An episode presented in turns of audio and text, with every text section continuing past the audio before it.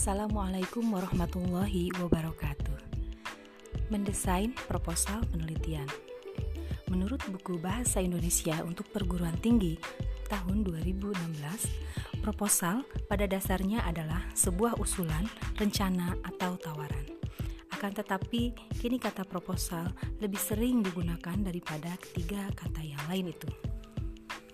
Kata proposal dalam Kamus Besar Bahasa Indonesia diartikan sebagai rencana yang dituangkan dalam bentuk rancangan kerja.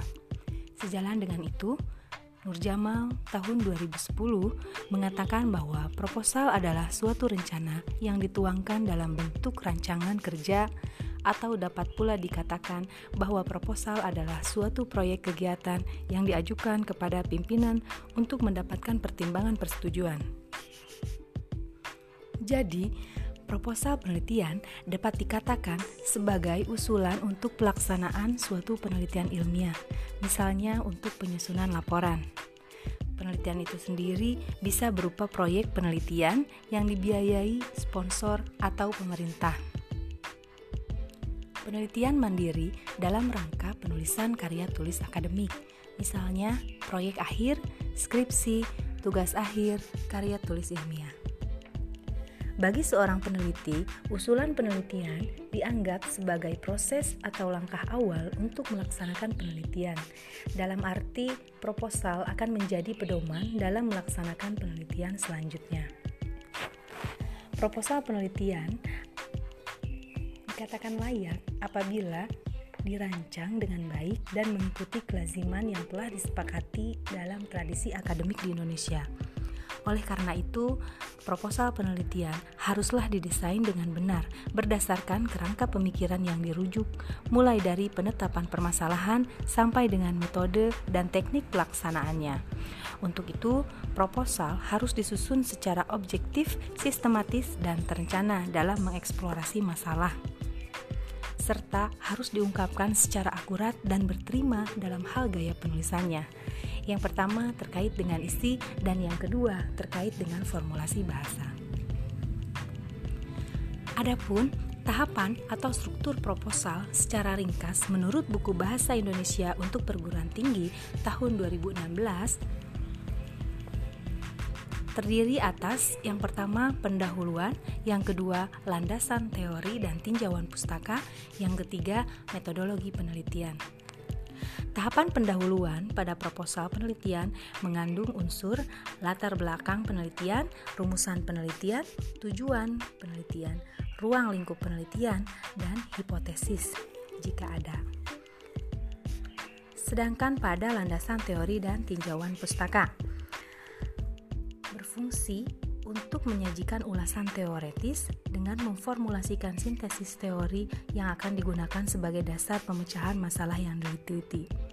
Juga menyajikan ulasan penelitian-penelitian yang telah dilakukan sebelumnya, yang kemudian dibandingkan dengan penelitian yang akan dilakukan ini. Pada tahap ketiga, yaitu metodologi penelitian, pada tahapan metodologi penelitian menyajikan pendekatan, metode, dan teknik penelitian yang akan diterapkan, termasuk langkah-langkah yang akan ditempuh. Struktur teks dan genre mikro pada proposal penelitian. Struktur teks pendahuluan, genre mikro yang diharapkan adalah eksposisi atau meliputi deskripsi dengan fungsi retoris memberikan latar belakang penelitian yang akan dilakukan, permasalahan yang akan diteliti, gambaran tujuan, pentingnya masalah diteliti, dan pendekatan atau teknik yang digunakan untuk mencapai tujuan tersebut. Sedangkan pada landasan teori dan tinjauan pustaka, genre mikro yang diharapkan adalah review atau ulasan dengan fungsi retoris menyajikan ulasan teori tentang dasar pemikiran yang akan digunakan untuk memecahkan masalah penelitian. Juga menyajikan ulasan tentang penelitian sebelumnya dan perbandingannya dengan penelitian yang akan dilaksanakan. Pada tahapan metodologi penelitian, genre mikro yang diharapkan adalah deskripsi, laporan, atau prosedur. Fungsi retorisnya adalah menyajikan pendekatan, metode, dan teknik penelitian yang akan diterapkan, termasuk langkah-langkah yang ditempuh. Selanjutnya, ada kelengkapan yang sangat penting dalam tahapan proposal yaitu penulisan daftar pustaka. Meskipun tidak dimasukkan ke dalam tahapan pada struktur teks proposal penelitian, daftar pustaka merupakan kelengkapan yang sangat penting dan harus dituliskan dalam proposal penelitian. Model penulisan daftar pustaka yang diikuti secara internasional pada umumnya adalah sistem APA, yaitu American Psychological Association atau sistem Harvard. Akan tetapi, penerbit buku atau jurnal sering mempunyai sistem sendiri, meskipun biasanya merupakan hasil modifikasi dari kedua sistem tersebut. Pada bagian ini, sistem yang dianut adalah sistem yang pertama. Sebagai lembaga, apa mengeluarkan manual yang menjadi pedoman penulisan. Bahkan tidak hanya mengenal daftar pustaka, manual itu berjudul Publication Manual of American Psychological Association yang edisi ke-6-nya terbit pada tahun 2010. Selain itu, kita juga bisa menambahkan lampiran-lampiran jika ada. Sekian seputar mendesain proposal penelitian.